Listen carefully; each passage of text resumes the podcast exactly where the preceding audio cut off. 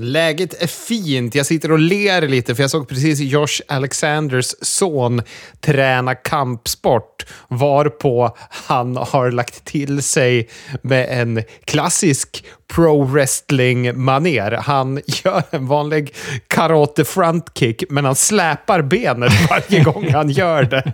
Så han skulle aldrig få jobb på NXT. Nej, det skulle han faktiskt inte få. Just det, det var de där skyltarna eh, som Vince McMahon hade hängt upp eh, backstage. Eller någon hade hängt upp backstage i alla fall. Jajamän. Slag på låret förenat med döden. Men han... Eh, nu får du nästan uppdatera mig. Josh Alexander, det är ju...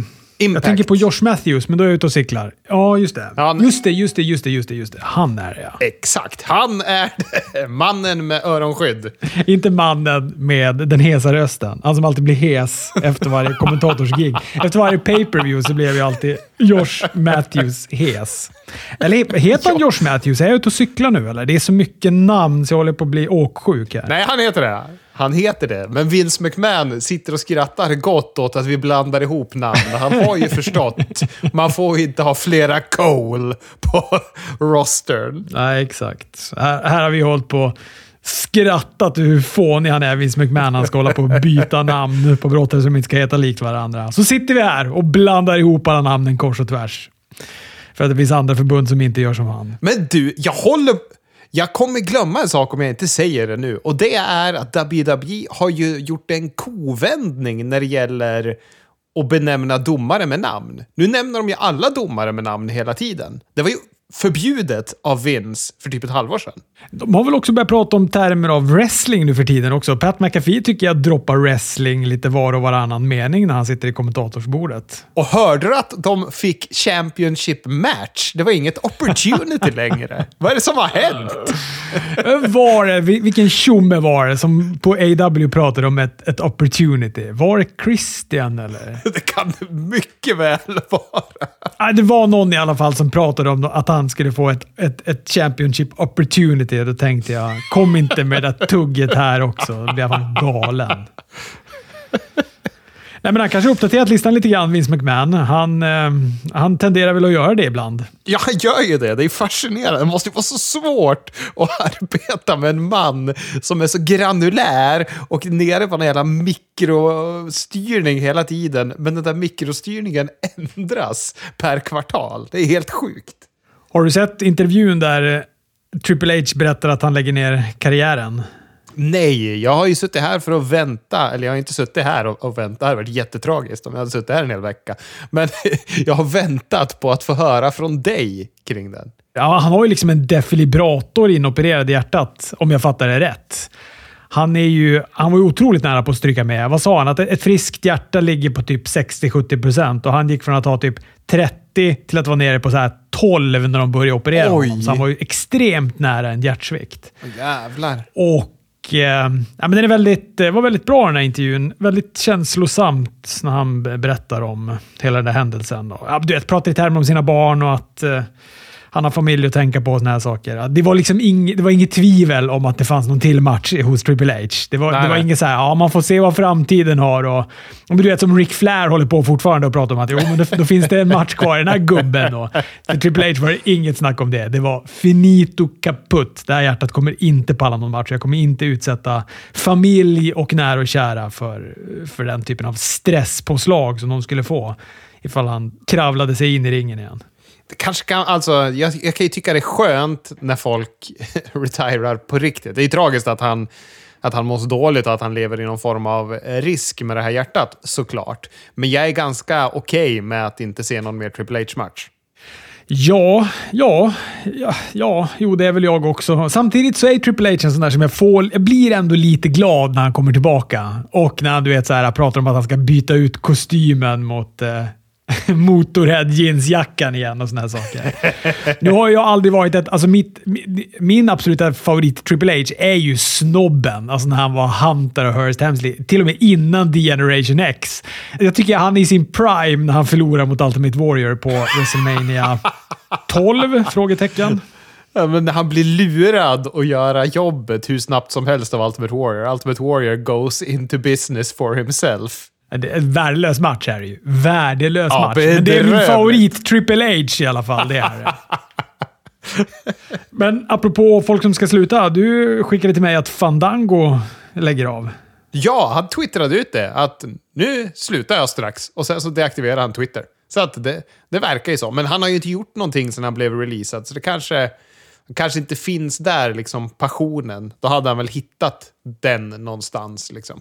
Det är synd. Jag älskar ju Fandango. Och det var inte bara att han slutade med Twitter, att det var det han menade med det där. Nej, nej det, det, jag tror det stod specifikt att det var wrestlingkarriären han slutade med. Det jag gillar med Fandango, det är att han, hela hans karriär känns som att han var som när Big E slutade bry sig när han var världsmästare. Så känns det som Fandango var hela sin karriär. Han brydde sig inte. Han gjorde vad han ville och det var fånigt och töntigt. Men Chris Dybeck gillade det. Jag har inte sett en bildruta av New Japan Cup, men eh, Zack Sabre Jr har i alla fall vunnit hela turneringen, vilket gör mig glad. Och jag tycker också att det är helt rätt. Jag har kollat på finalen. Jag har sett, alltså finalmatchen har jag sett mot eh, Tetsuo Naito, men, eh, men ingenting mer utöver det har jag sett av New Japan Cup. Men den var toppen den matchen, finalmatchen. Jaså? Ja, men den är, jag är också väldigt svag för Zack Sabre Jr, så det, det spelar vi in eh, helt klart. Men jag tycker Naito var liksom väldigt rörlig och Saber också bulla upp sig lite grann. Lagt på sig massa. Han gör lite samma resa som Will Ospreay gör. Ja, kul. Vad heter det för att han... Han har varit väldigt gänglig. ja, men han har varit väldigt... Spinkig är väl rätt, eh, ett adekvat Ja. ordval när man ska beskriva hans kroppsform. Sannerligen. Han har varit väldigt, väldigt smal. Alltså underhudsfett har varit noll på honom i procent. Nej, men extremt tung. Även muskler. Även muskler, ja. Ja, men, ja precis. Gängslig. Men nu såg han ändå... Ja, men nu såg han eh, mer bulkig ut. Han lagt på sig lite underhudsfett, eh, byggt lite mer muskler och eh, gick en jätte, jättebra match. Det är kanske inte helt oväntat att den var bra. Men han behåller samma stil liksom, trots att han har bulkat på sig. Ja, ja, gud ja. Ligga och så knåda någon i benlås och armlås, det behöver du inte vara spenslig för.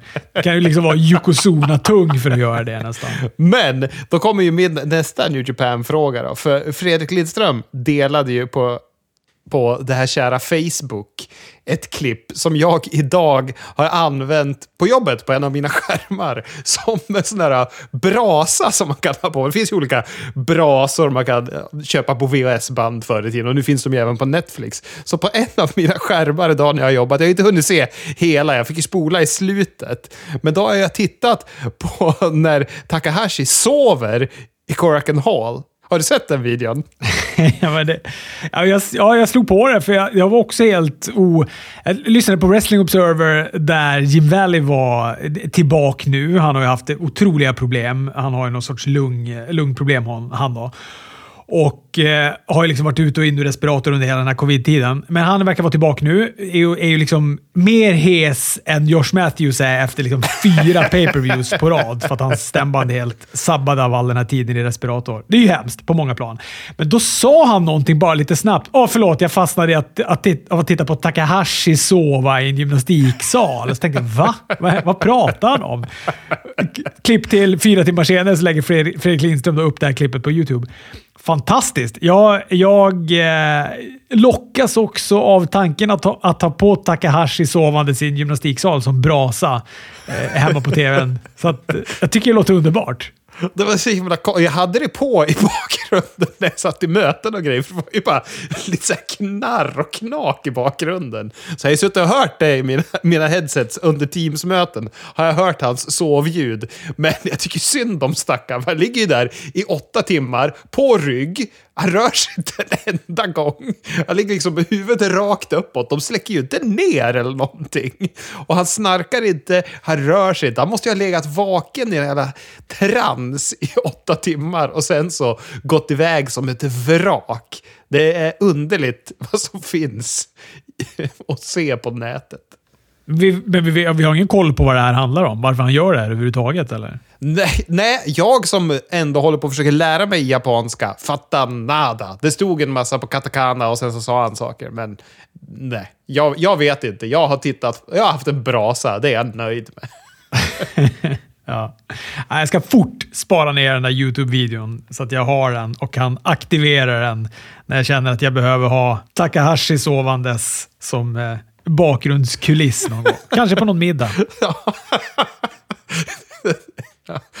ja, visionerna. Men apropå visioner, när vi ändå är och pratar om våra härliga lyssnare, så har du sett att jag har fått medhåll i min Cesaro-teori? Om att han ska vara den här kameramannen? Ja, vår härliga lyssnare Tom har ju lagt upp ett screenshot på förra veckans eh, podd och där man ser den här bitiga kameramannen. Som, det kan ju inte vara någon annan. Det har aldrig funnits en sån där bitig kameraman som är exakt lika lång som Cesaro. Det, jag tycker att det är så vansinnigt om det är det, för det har fortfarande inte utvecklats. Och nu på senare tid har han, ja, nu för sig, jag var väl, la väl inte jättemycket fokus på kameramännen på senaste Dynamite här, men men det, är otroligt subtilt ifall det är så. Otroligt subtilt. vecka efter vecka bara ha han stående där i muskler. musklig man i kroppstrumpa. Håller i en kamera. Ja, det kommer, jag, jag kommer vara så glad när jag har rätt. Men apropå Cesaro, vi pratade ju om att han hade filat en trademark för det här CSRO.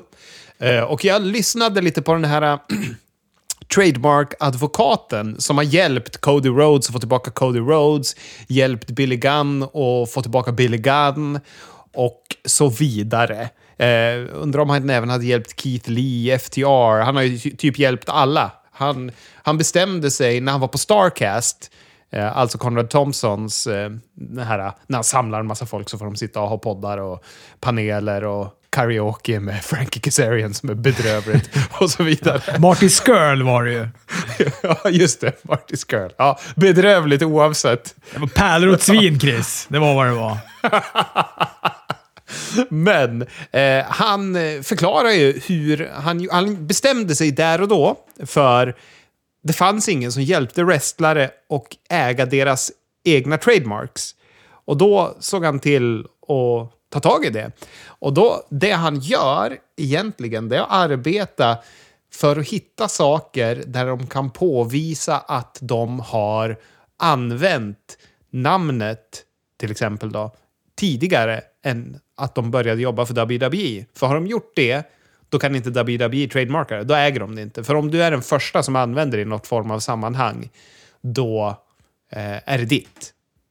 Så att han har ju, de hittar något så här gammalt Cody Rhodes... Eh, ja, men någon gammal Cody Rhodes-match i något annat förbund som hade tv-sänts på någon gammalt, liksom, gammalt tejp. Och då bara, här har vi det. Nu är det klappat och klart. Så det var så han fick tillbaka Cody Rhodes-namnet. Då måste det vara en fördel med hur, hur, hur, det funkar nu. Hur lätt det är liksom att filma grejer med mobilkamera och såna grejer och det ligger ute på internet. Och det. Eller måste det ha gått på tv för att det ska kunna hålla? Ja, det måste. Det, annars är det bara där du har sagt det. Alltså om jag här i Härnösand skulle gå runt och säga att jag är kung Chris, då skulle jag kunna trademarka det här. Alltså om det hade varit amerikanska lagar. Men inte i Stockholm. Då skulle du kunna trademarka det när jag börjar arbeta för ditt wrestlingförbund där. Men annars är det ju liksom, om du kommer på någonting medan du jobbar åt WWE, då äger de det för att du var anställd av dem när du kom på det. Det är därför så här med The List och grejer med Jericho och Y2J tror jag också de äger, medan han äger Chris Jericho. Undrar hur högt det smäller i advokatsamfundet att man är specialiserad på wrestling. ja, men han har ju många fina bilder när han får stå med, med så patentcertifikat bredvid brottare i alla fall. Så han har väl en, en fin vägg i sitt vardagsrum där han har vad heter det, en sovande brottare som brasar på, på tvn i bakgrunden. Jag tycker att eh, Smackdown den här veckan, ja, det är stökiga korrigeringen då, men förra veckan, det senaste Smackdownet som jag har tittat på inför WrestleMania då, var svagt. Jag tycker att flera av de här senare Smackdown har varit ganska smart. För istället för att bygga på ett attraktivt sätt så kör de ju då varje match om och om och om och om igen. Jag tror nog att jag kanske låter som en, en hackig skiva, men de har, det här har vi kanske påkallat flera poddavsnitt i rad här nu. Men jag tycker att det är så beundrande. Alltså det är nästan att det är fascinerande att de kan vrida och vända på matcher så många gånger som de gör. Men det får ju en att känna som att de har världens minsta roster. Alltså, jag förstår att om man är en så här eh, casual viewer så är det inte så jobbigt. Men om man tittar varje vecka så blir man ju otroligt less. Och det brukar vara bättre inför WrestleMania. Det är väl det som är mest frustrerande. Ja, för de brukar ändå skärpa upp sig. Jag tänker att de brukar växla upp i alla fall. Nu var vi det här då. Nu är det ju ett Smackdown kvar och det är ju lite det här eh, WrestleMania Smackdown, eller vad nu de kallar det. Det är som WrestleMania Backlash. allt, allt har WrestleMania epitet nu då fram till SummerSlam eller någonting. Ska vi se de där matcherna om och om igen. Ja. vi hade Shinsuke Nakamura mot Jimmy Uso. Absolut, bra match. Nakamura vann. Förra veckan hade vi Boogs mot Jay Uso och på WrestleMania får vi Nakamura och Boogs mot Jimmy och Jay Uso. Ja, varför gör man så här? Fatal four way. Sasha Banks mot Selina, mot Rhea Ripley, mot Shayna Baszler. Givetvis var allas respektive tag team partners med också ringside. Och på WrestleMania så möter de alla åtta varandra igen. Jajamän! De, man, har ju sett alla de här matcherna kors och tvärs nu innan vi får se själva matchen. Det finns ju ingenting som känns spännande att se de här matcherna nu när man har sett dem så många gånger. Nej, vad fan. Släng in Drew Gulak och få spö av någon och så kommer någon in efter matchen och muckar lite eller håller en promo på rampen. Gör det enkelt. Fan, så svårt är inte wrestling. Xavier Woods kom tillbaka. Det var ju kul.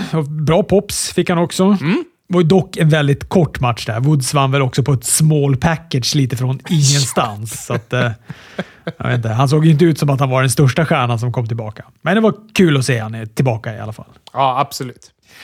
Ronda Rousey och Charlotte Flair hade ett segment. Charlotte var på video, så det var ingen konfrontation. Det har ju annars varit deras eh, starka sida i det här bygget, tycker jag. Alltså att alltså pratet har varit sämre. Konfrontationerna har varit bättre. Kändes dock bra med ett pratsegment här, tycker jag. För det blev lite... Eh, att det inte var samma sak hela tiden. Och jag tycker att Charlotte är så jävla bra i sin heel-roll. Och jag tycker, nu för en gångs skull så sitter jag inte och hatar på Ronda Rousey på micken heller. Jag tyckte det här var ett, ett ganska bra segment overall. Liksom. Ja, jag tyckte att hon började lite stappligt, men hon, när hon släpper manus och börjar prata normalt, då blir hon ju bra. Hon klantar ju till det lite. Hon kallar ju titeln för Smackdown Champion. Med andra ord, hon glömmer Women's innan. Och Sen är det som att hon kommer på sig själv och bara “Varför ska det nödvändigtvis könsbestämmas det här?” Påkallar det och då blir hon Ronda. Alltså ja. då blir hon, som när hon satt i den här intervjun med Kurt Angle och producenten säger till henne att ingen kvinna har någonsin main eventat ett WrestleMania. Och hon kollar liksom förvånande på honom och säger “I'll fix that next year”. Spolar fram ett år, så main eventar hon också WrestleMania. Alltså jag får så mycket gåshud av att bara tänka på det klippet, så jag vet inte vart jag ska he mig själv. Och att det är också så här mellan någon tagning. De, det är ju något där de, håller, de ska börja filma där de har, de ska göra någon eh, videoangle eller någonting mot, eh, de ska gå mot Triple H och Stephanie på det WrestleMania då.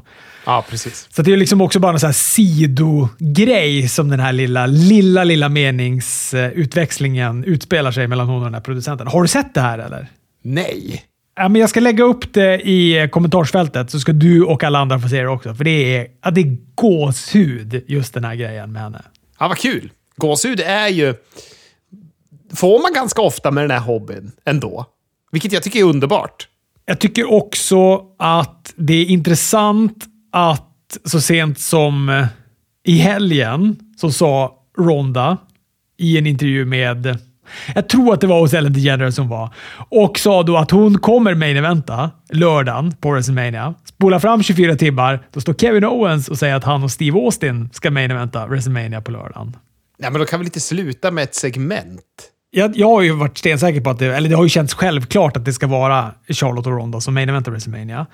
Men sen så när de presenterade den här grejen, att när Kevin Owens då sa att, att det var de som skulle main eventa, så tänkte jag ja, men det kanske är smart ändå. För att säga att det ändå finns några som är där bara för Steve Austin och skiter kanske i den här matchen i slutet. Ja. Då kommer ju de dra så fort Steve Austin har visat sig. Så är han då näst sist, då kommer det vara folk som drar mitt i, mitt i main eventet. Och för att undvika det så kan man ju då lägga det sist helt enkelt. Ja, om man skulle kunna få en sån här Triple H mot Jericho-situation när de ska gå upp efter Hogan och Rock. När publiken aldrig har brytt sig mindre om en världsmästarmatch. Nej, just det. De har skrikit lungorna av sig också under tiden. Ja, Steve Austin har kommit in och ropat what och allt vad de nu gör. Det är väl det de inte vill riskera. Men jag håller med dig att det kommer kännas märkligt att avsluta, att WrestleMania main eventas med ett segment. Ja, oh, gud ja. Med också en brottare som inte har varit aktiv på, ja, hur länge som helst. Ja, 19 år. Ja, ja, vi får väl se hur det blir. Det känns som att de, det är lite vackligt i kommunikationen med Ronda. Hon var ju också annonserad att hon skulle gå en match på Raw. Varav hon typ på sin Twitter så här 12 timmar innan Raw började bara “Jag är hemma hörni. Jag har inte fått någon flygbiljett”. Och de bara “Ah, fort bort med hennes match”. Det här har jag missat, men det är fantastiskt.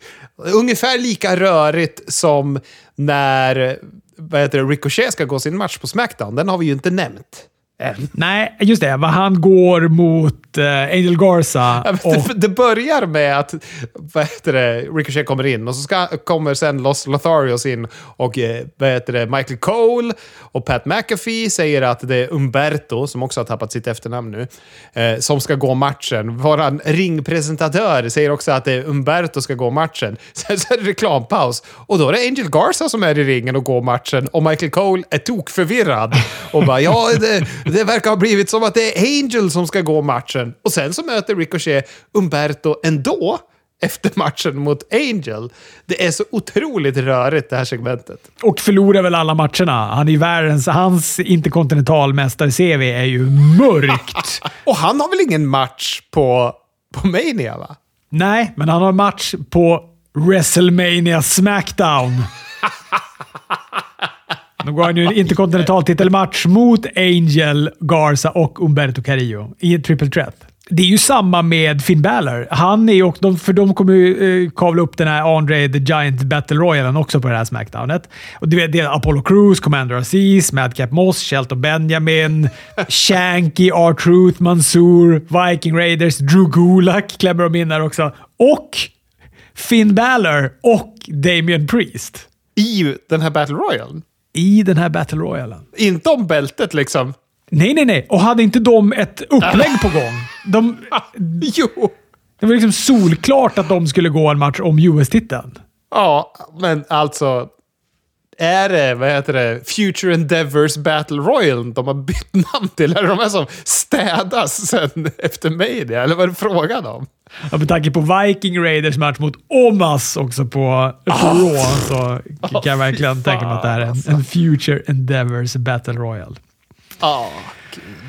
Ja, vad hade vi mer då? Ja, men Roman och Lesnar byggde vidare på sin grej. De gör ju det bra. Lesnar sitter och väntar på Roman i hans VIP-lounge, dricker hans skumpa och käkar druvor med fötterna på bordet. Pajar interiören och beter sig.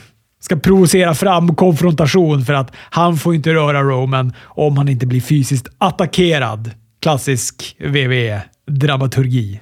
Men han har ju så roligt, Brock. Han tycker det är så roligt att slå sönder det där bordet med hälarna. Han, han tycker det är så roligt att kasta iväg den där jävla champagneflaskan. Man märker ju att det här är en man som tycker om att få betalt för att bara sabba grejer. Ja, jag tyckte det var ett, ett, ett svagt Smackdown. Jag tycker ju också att Raw lider lite av samma sak. Jag tycker att det här Rawet var märkligt. Och då var ju det också... Det här var ju ändå Raw innan WrestleMania. Här är det ju inget tvekan. Här, nu blir det inget mer Raw innan WrestleMania. ja. Jag hade ju också hoppats på att det skulle börja med Seth Rollins i ringen. Vägra lämna förrän han får en match på WrestleMania. Det var ju det de lämnade med oss, eller det var ju det de lämnade oss med förra veckan. Och man känner så här, ja men det här har något. Det här kommer bli spännande att titta på. Men nej då. Istället är hans segment ett väl förannonserat studiebesök på VVS huvudkontor med hissmusik. Alltså, Seth Rollins går omkring, smeker sina händer, skrattar och överspelar till pianomusik. Vi är otroligt nära porrfilm när det här segmentet går på. Men det är, det är så hela det här segmentet. Men en Seth Rollins som överspelar Deluxe. Jag älskar att han överspelar Deluxe, men det var ju Vince McMahon som inte kan skådespela längre och ett manus som är under all kritik. Det är bara skit, men samtidigt så kan jag inte låta bli att sitta och skratta när han står och ballar ut på skrivbordet i slutet, eller på bordet i slutet. Ja, men det är så barnprogram när jag ser det. Jag, jag, vet inte, jag tycker att det är så. Det är något med Seth Rollins karaktär. Jag vet att du gillar den, men jag tycker att den är... Jag tycker att den var bra när han höll igen den lite. Nu är det som att han, han har ju ballat ur helt och hållet. Och sen också det här jävla bizarra rummet som Vince McMahon har med det här Tyrannosaurus rex-kraniet på väggen. Och det är ju på riktigt. Det där är ju inte stageat. Det är det som är så konstigt. Och sen också att Vince McMahon har liksom bokat det här mötet med Seth Rollins, men han verkar som att han har fullt upp med annat och att, att Seth Rollins kommer liksom in dit och stör. Han sitter ju där och signerar papper och allt vad det nu är. Och, och han har kallat honom till mötet via ett sms också. Det tycker jag är fint. I versaler. Det känns som att Vince McMahon smsar i versaler. Japp. Och så skickar han ofta tummen upp, känns det som. Ja, ja, Brock öppnar i alla fall det här Raw-kalaset med en promo. Ja, han, är, han är en glad gamäng, absolut. Och han har hatt på sig. Men jag tycker att det här nog var en ganska svag promo. Jag tycker att, de, att det kommer liksom ingenstans.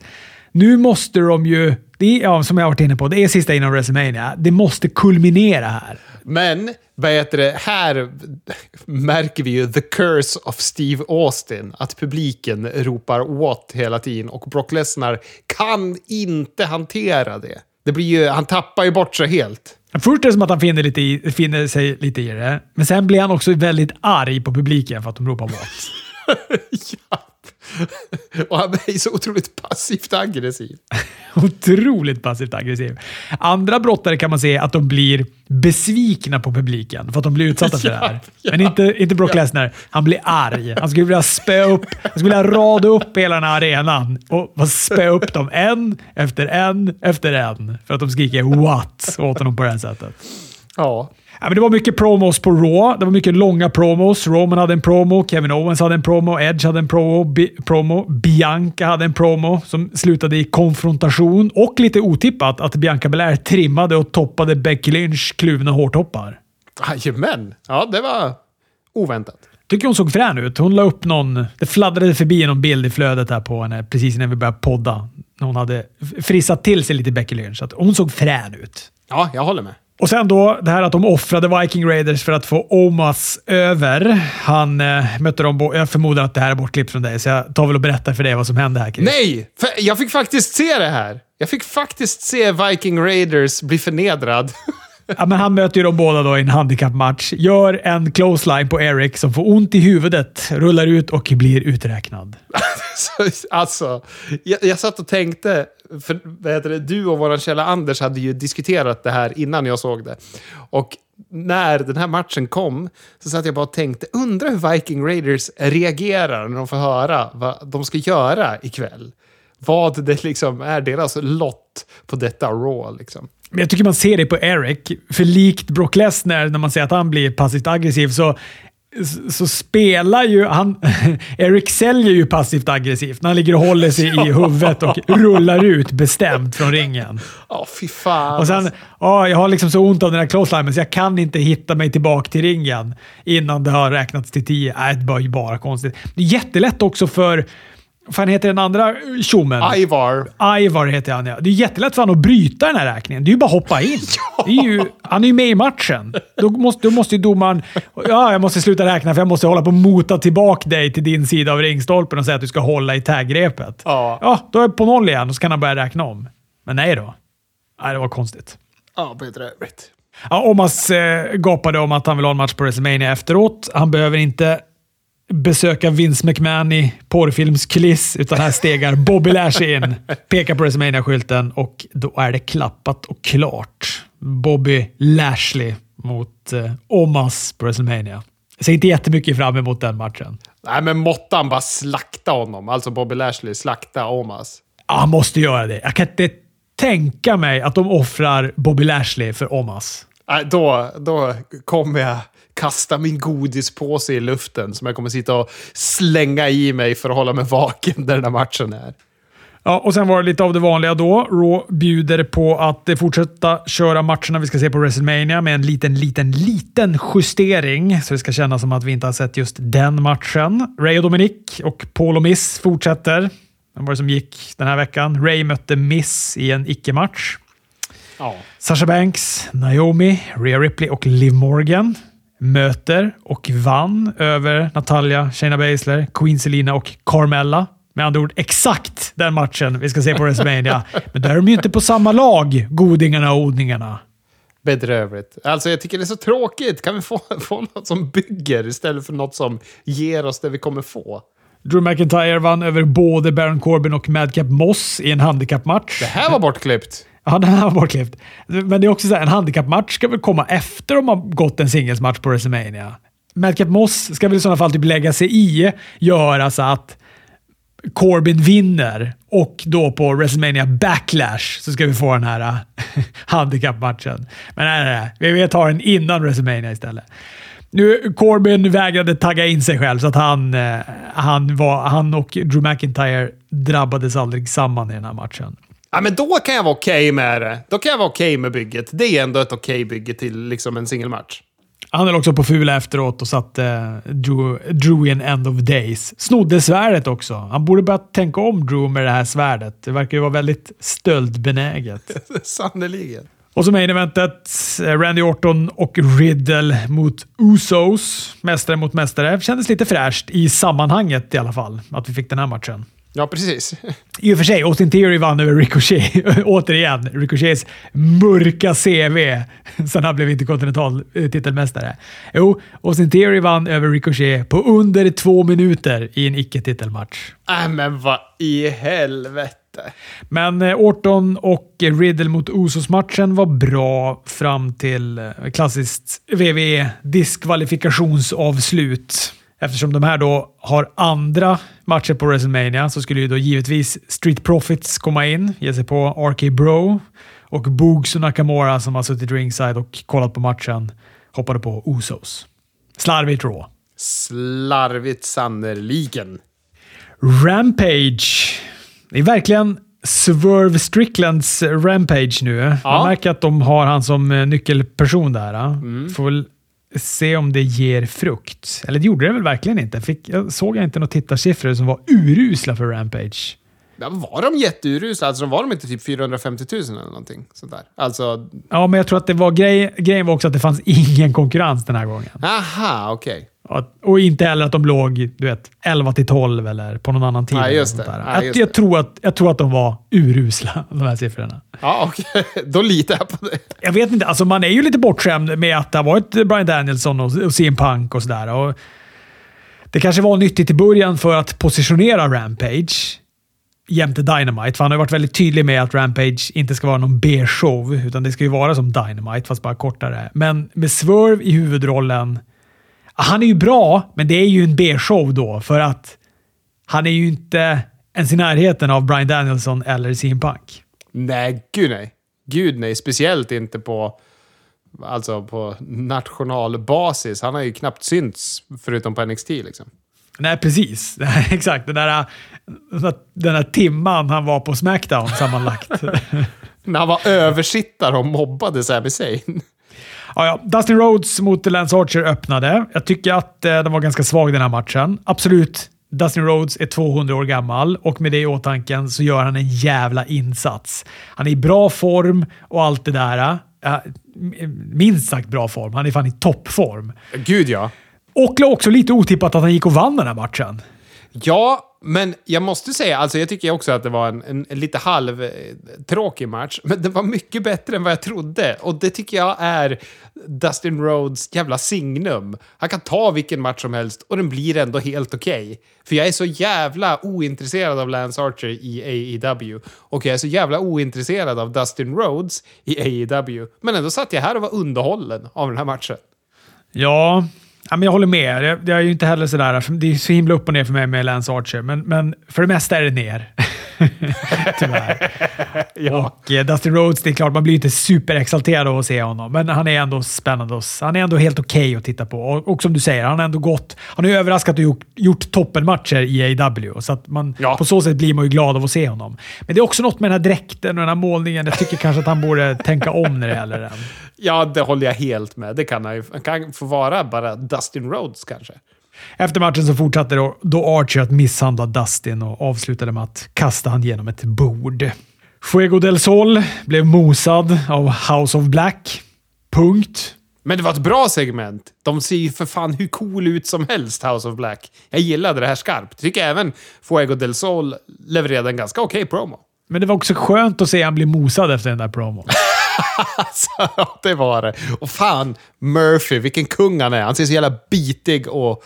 Han är, bara kung. Han platsar oväntat bra i House of Black. Ja, han gör ju det. Han ser, han ser liksom brutal ut på något vis i House of Black. Red Dragon vann över Dark Order. Då var det Five och Ten som representerade Dark Order den här kvällen.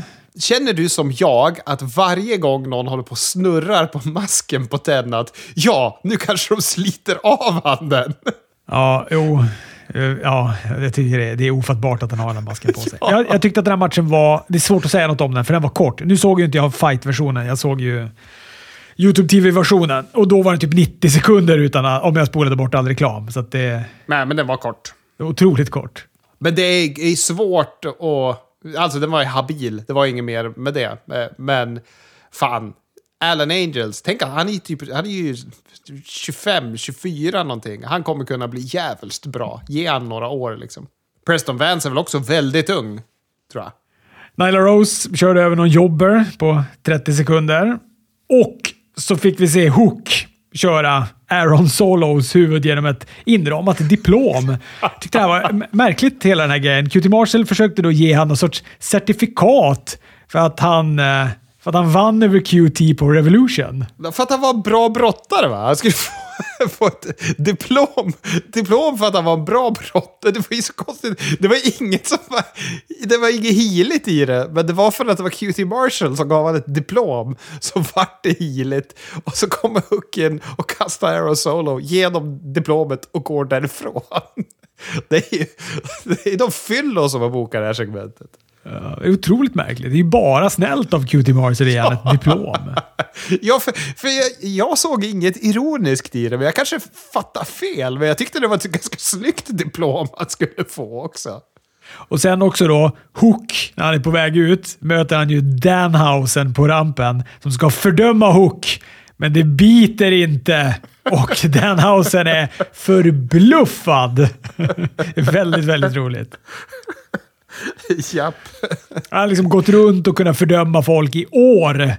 Men så kommer han och så ska han fördöma Hook, men inget händer.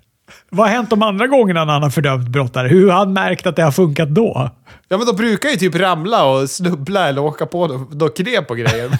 men, men, ah, okay. men, här, här händer det ingenting. Och, och, det är ett av de märkligaste sätten att bygga en, en ny, ung, tuff, cool brottare. Han är immun mot förbannelser. Ja, okej. Okay. Ja, det kanske är så. Jag får mig att, att Adam Cole bara såg stekt ut när Danhausen ställde sig och fördömde honom.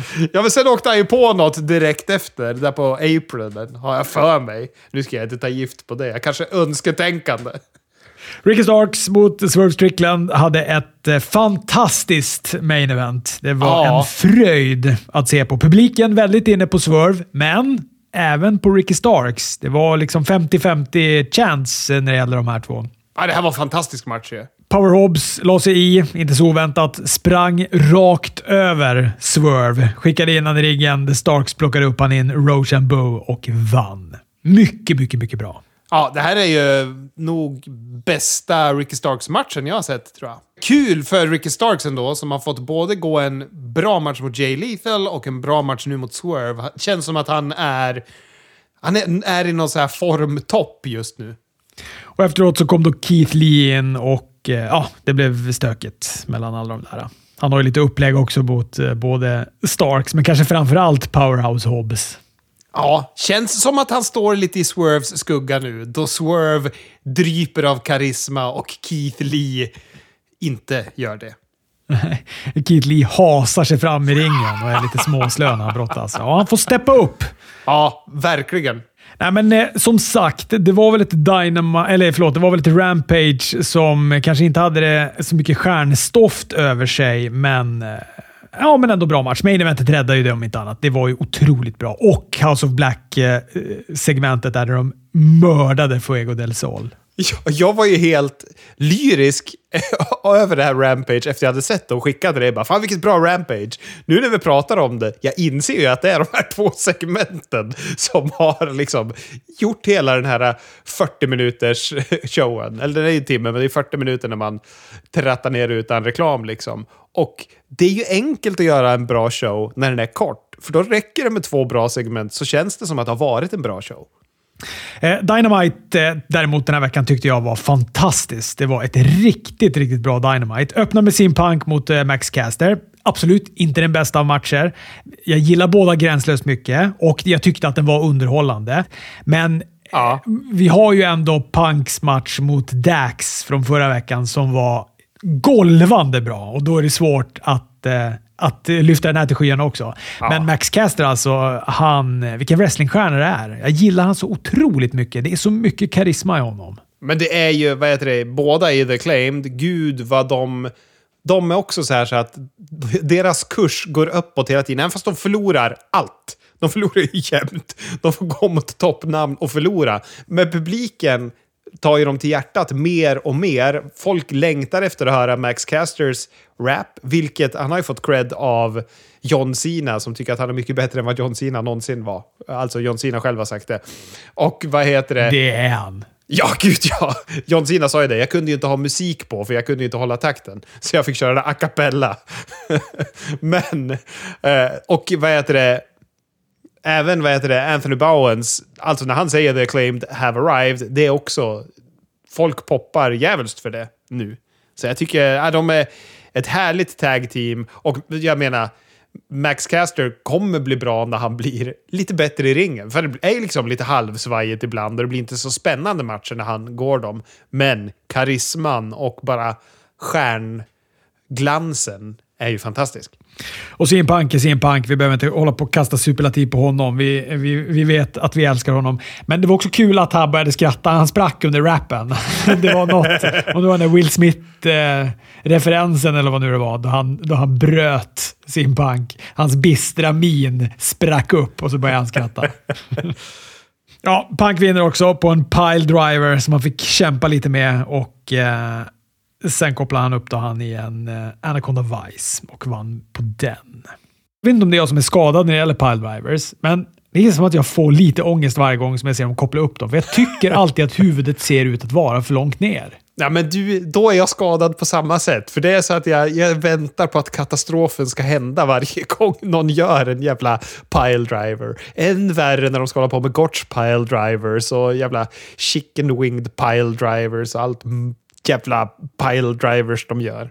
Jag vill ju att huvudet ska vara likt Undertakers Tombstone. Alltså jag vill att huvudet ska vara så här 30 centimeter ovanför knäna när de dunkar ner. Då känns det säkert. Men Ja. här tyckte jag, jag tyckte att Casters huvud var alldeles för långt ner. Jag tyckte också att han vekte när han tryckte ner och det känns också som att det är livsfarligt. Ah, gud ja. Vi satt där och kanaliserade våra inre Conans och satt och viftade med händerna ovanför huvudet i panik.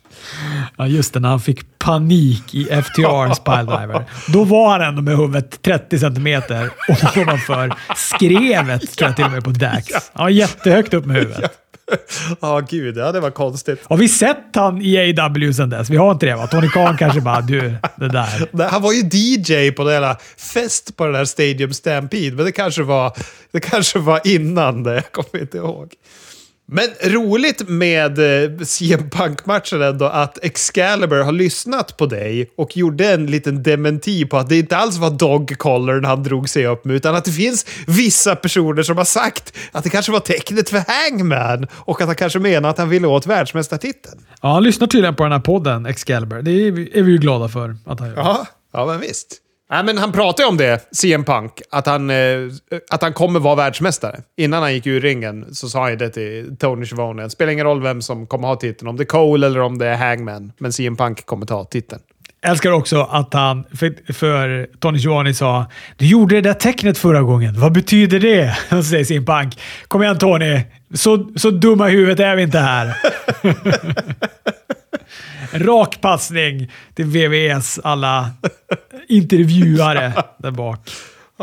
Eh, John Moxley och Jay Lethal däremot, de hade en jävla en match som var en jävla fröjd för ögat att titta på. Den var otroligt bra den här matchen. Och spännande. Det var väldigt nära för Lethal flera gånger. Och publiken också rätt okej okay, med en eventuell vinst för Jay Lethal. Ja, jag tycker att det var, det var bra på alla vis och jag är också glad över att fan, nu har ju Jay Lethal fått gå några bra matcher också som inte har varit så här att han bara har varit en okej okay brottare, bra brottare, utan det har varit spännande och bra matcher. Vad håller på att hända? Folk börjar leverera bra, fast jag inte tror att de ska det. Det är kul att se Jay Lethal mot Moxley. Riktigt jävla kul till och med. Eh, vinna lyckades han inte göra. Eh, Lethal skulle tråckla in Mox i en figure four, men Mox bryggade han i ett pinfall som Lethal först kickade ut efter två, men sen hamnade han i en snabb paradigm shift och Moxley vann. FTR vann över Ass Boys. Underhållande match. Wardlow kom in genom publiken. Han var ju då beordrad av sin chef MJF att uh, vara hemma, så vakter motade Wardlow i grind. Men det var ju ett bra segment innan den här matchen också, som vi kanske ska prata om. Just gällande Wardlow. När FTR står och tycker det är jobbigt att de är ju kompis med Wardlow, säger de till MJF. Och MJF påvisar att ah, men Wardlow snackar skit om er. Jag har inte velat berätta det, men han tycker ni är rövar. Men ja, vi ska inte prata om det. Och sen när MJF vill stoppa in händerna och göra Pinnacle-tecknet så är FTR väldigt motvilliga. Cash är lite snabbare än Dax. Dax tycker det är jävligt jobbigt att stoppa in handen där. ja, de blivit jävligt mjuka bara på två veckor här nu i FTR. Mm. Tycker också hela deras... Den här matchen, så, de brottades ju väldigt faceit under matchen också. Absolut. De håller ju på med face-turnen deluxe. Face bullar upp FTR. Det var till och med också i slutet där när MBF kom in och gratulerade FTR till vinsten så tittar de ju sådär ifrågasättande på honom. De, de ifrågasatte hans genuina glädje. Ja, men det känns jättebra. Jag tycker det här känns... Tycker om MJF mot Wardlow. Jag tycker är bra att FDR har en storyline, som, alltså att de får liksom visas upp, att de får göra någonting vettigt och inte bara vara ett tag team som kommer in och går en jättebra match ibland. Utan nu används de ju på riktigt. Det blev lite stökigt mellan Jericho Appreciation Society och eh, Satana, Santana Ortiz och Eddie Kingston. De rök ihop i ett backstage-segment som fortsatte ut i arenan och i publiken. Försökte spana efter Messiah Hallberg, som jag vet var där. Han la upp en film väldigt nära det här stöket i, i publiken. Rad två skrev han till mig att de satt på. Det blev man ju lite avis. Men jävlar lyxigt! Jaha, det blir man sannerligen avis på. Men jag måste bara passa på att berätta om det jag tycker är en sån här detalj som Jericho har gjort som är bara fantastisk. För jag brukar, när jag inte får min information av min källa Anders, så brukar jag vara extremt lat och gå in på Webbis Jericho. För där är de extremt duktiga på att samla, eh, vad heter det, jättekorta versioner av wrestlingnyheter från alla andra sidor. Så jag behöver inte leta, jag kan gå in där och kolla. Men det är också en massa massa om film och musik och så vidare. Så står det typat vad det är för olika kategorier. Och det slog mig när jag var inne och kollade igår att det står inte pro wrestling längre. Det står sports entertainment på alla wrestlingartiklar. Och det gjorde mig så varm i hjärtat att han har sagt åt dem, ni måste typa om på min hemsida. Det är inte pro wrestling, det är sports entertainment. Brian Danielson vann över Wheeler Utah med ett labellock. Det var också en väldigt bra match. Det var väl inte allt för länge sedan vi satt här och sa att vi hade sett Wheeler Utahs bästa match så här långt, så nu får vi väl uppdatera det igen. Ja, det får vi. Han fick ju till och med Utah chance av publiken. Ja, ja, han fick ju det. De, de lyckas verkligen bygga Wheeler Utah just nu. Och jag tyckte den här matchen var fantastisk. Jag tycker att den var jätte, jättebra. Ja, de bygger han bra och Brian Danielson ger ju väldigt mycket till eh, Wheeler Utah. Ja, gud ja. Otroligt generöst. Det var de ju sist i den här tagmatchen också åt honom. Det känns som att de verkligen vill hjälpas åt att bygga den här mannen. De där Tron-brallorna är lite små skeptiska till, men han kanske kan gaska upp det estetiska längre fram. Vi får väl se. Adam Cole och Red Dragon kommer in med tag team-bälten och världsmästarbälten. Stal de de bältena förra veckan? Det har helt frångått mig. Ja, det, de har ju stulit dem. Vi älskar att de hade skrivit sina namn med, på frystejp på bältena. Det är en kul detalj. japp, japp, japp, japp. Bälten måste ha nameplates och så har de satt frystejp och skrivit. Likt man skriver kök på flyttkartonger. Ja, de har skrivit Cole, O'Reilly, Fish. Ja, jätteroligt. Men Kyle glömde vad han skulle säga mitt i sin promo. Det är första gången jag sett det. Satte sig ner också och skämdes efteråt. Ja, jätteunderligt vart det. Han får liksom en brain fart och börjar komma med bortförklaringar att han har festat och druckit champagne för att det ska få någon mening. Sen får Bobby Fish ta över och säga liksom ja, men jag kan berätta varför vi är kung. Men det var ju jättemärkligt. Ja, det var lite märkligt. Men jag tycker också det gör han mänsklig. Jag, jag Ja, gud ja. vurmar för Kyle O'Reilly. Jag tänker mig också att Tony Khan bara kramar honom när han kommer in i go position. Gud ja. Han, det där är inte svaghet för honom. För Vince McMahon, svaghet. Ja, Han, ja. han skulle... Future Endeavors på momangen. Han hade ju suttit och skrikit i sitt headset till Michael Cole. Ja. Nu sparkade de också igång, eller ja, vi ska väl säga det, att Adam Cole avbröt eh, fejkmästarna i ringen. Kom in i en tjurhornsbestyckad Tesla. Det var fränt. Vi menar Adam Page, vill jag bara säga. Ja, Adam Page. Så, vad sa jag nu då? Adam Cole. Adam Cole sa jag. Det är så mycket Adam här nu. Fan, var är Vince McMahon? ja, Luchas, Lucha Express och eh, Christian Cage kom in också och hjälpte till. Nu sparkade de också igång Owen Hart Foundation-turneringen med en kvalificering för att få vara med i Owen Hart Foundation-turneringen. Känns nästan li lika omständigt som i WWE. Ja, ja. Tony Storm är nu i alla fall All Elite. Hon gör debut och besegrar Bunny. Kul att hon är där. Ja. Gud vad hon höll på att börja gråta av responsen hon fick. Ja, hon fick väldigt bra respons. Sen dog det lite under matchen. Jag vet inte om de blev trötta Ja. av att de använde all lungkapacitet under hennes entré. Men, men, eh, men hon blev väldigt, väldigt rörd av att få den responsen. Jag tror att de hade gjort smartare att boka det här som en squashmatch. En kort match. Inte en reklambreaks-match. För då hade de kunnat hålla energin uppe. Men nu vart det liksom en sån här rest-hold-match istället.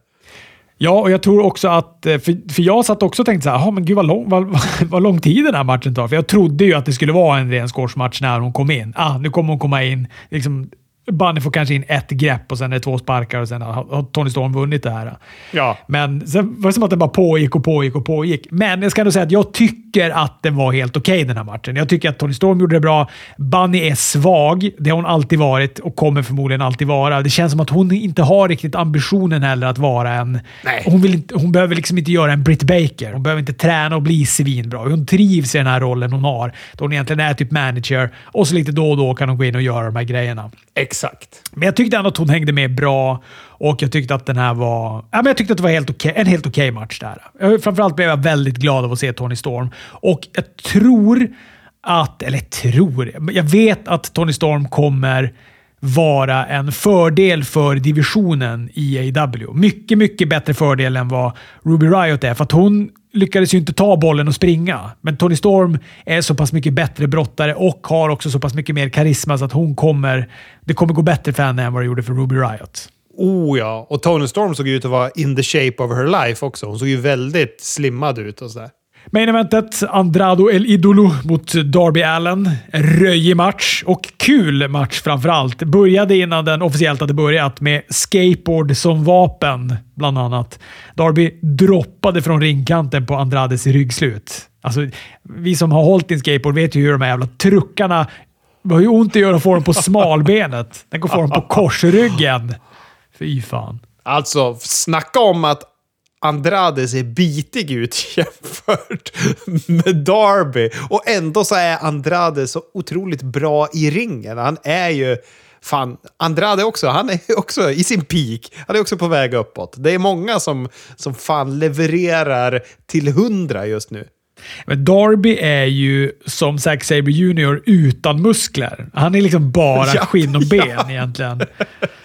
Det är han. Så att, eh, så att Andrade ser ju verkligen gigantisk ut när han ställer sig bredvid. Darby. Men han är också stor, Andrade. Det har du, har du rätt i. Han är i bra form. Många snygga grejer. Den här eh, Darby gjorde en roterande krucifixbomb. Jag vet inte vad jag ska kalla den, men det var någon typ av crucifixbomb i alla fall. Som var löjligt, löjligt snygg. Ja. Nej, men det, ja, de här kan få gå fler matcher. Jag är inte less på dem än. Även om jag har sett dem några gånger mot varandra nu i olika eh, konstellationer. Liksom. Butcher och Blade la sig i. Darby tog ut dem med en big splash från topprepet ut. Fastnade sen på väg in i en El Idolo och Andrade vann. Mycket bra main event.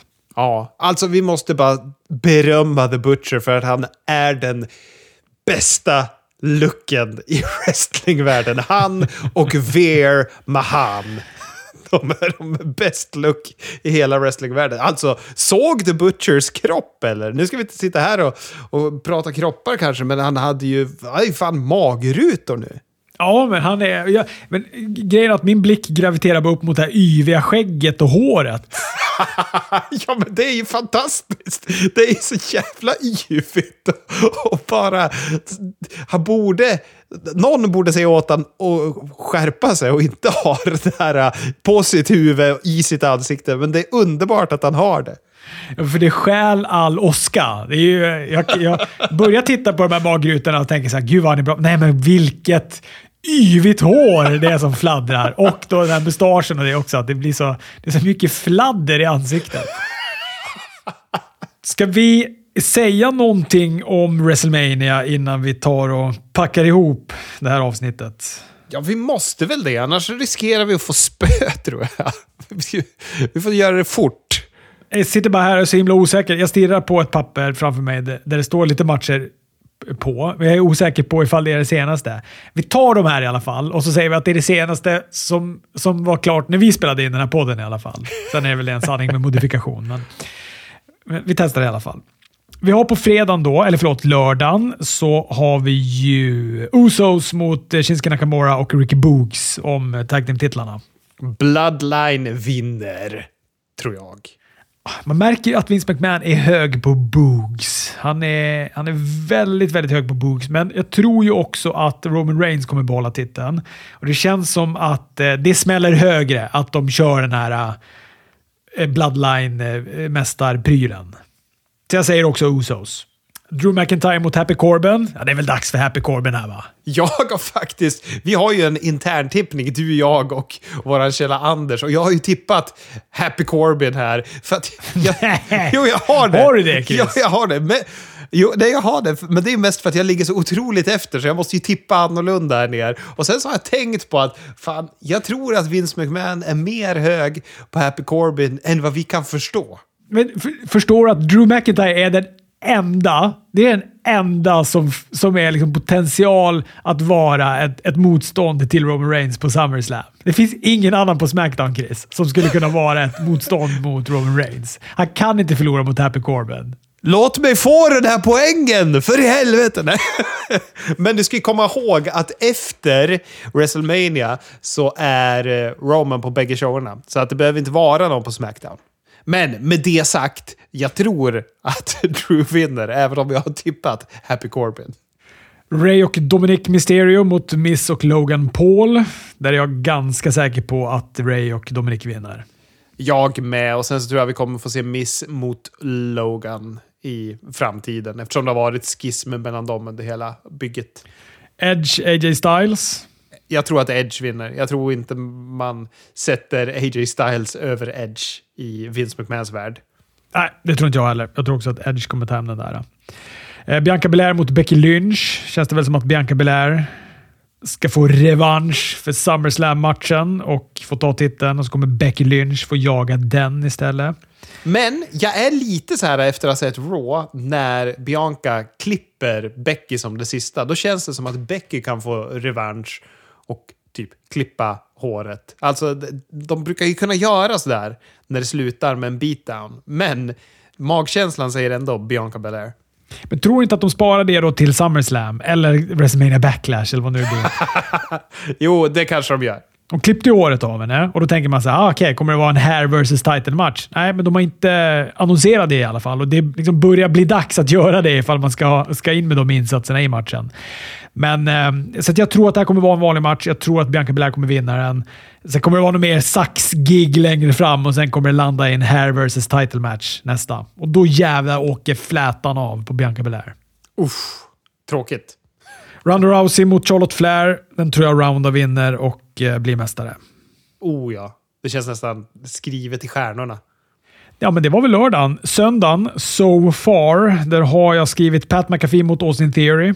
Pat vinner den matchen. Även fast fan, de är hög på Austin Theory, så han kan ju vinna på någon ful grej. Men jag tror ändå att Pat McAfee får vinna. Eller jag vill att han ska få vinna. Ja, jag, jag både vill och tror att Pat McAfee kommer få vinna den matchen. Även om de är hög på Austin Theory så kan han... Hans karaktär kan ta en förlust mot Pat McAfee utan att det på något sätt egentligen spelar någon roll. Nu i och för sig, Pat McAfee å andra sidan är inte ens en brottare, så att han kan ju verkligen ta en förlust utan att det skulle spela någon roll. Men eh, det kostar ingenting för Austin Theory att vinna den jag tror att de vill ha... Han är så över också, Pat McAfee, och, och Vince gillar när facen går över på WrestleMania. Ja, men visst. Och den här Women's Tag Team Championship-matchen med en drös brottare som vi har sett nu i 40, 40 veckor i rad. Queen Selina, Carmella, Sasha Banks, Naomi, Rhea Ripley, Lee Morgan och Natalia Shayna Baszler. Jag tror ju att de sätter den på Sasha och Naomi eftersom vi kommer ha två face-mästare så ser jag inte att Sasha Banks kommer vara där och stöka än. Nej, det har du i och för sig rätt i. Jag började och tippa Sasha Banks och Naomi, men sen har jag graviterat i takt med att jag själv har blivit hög på konstellationen Rhea Ripley och Liv Morgan, så jag har börjat gravitera dit. Jag tror att mitt, min senaste ändring var att jag hade skrivit in Rhea Ripley och Liv Morgan.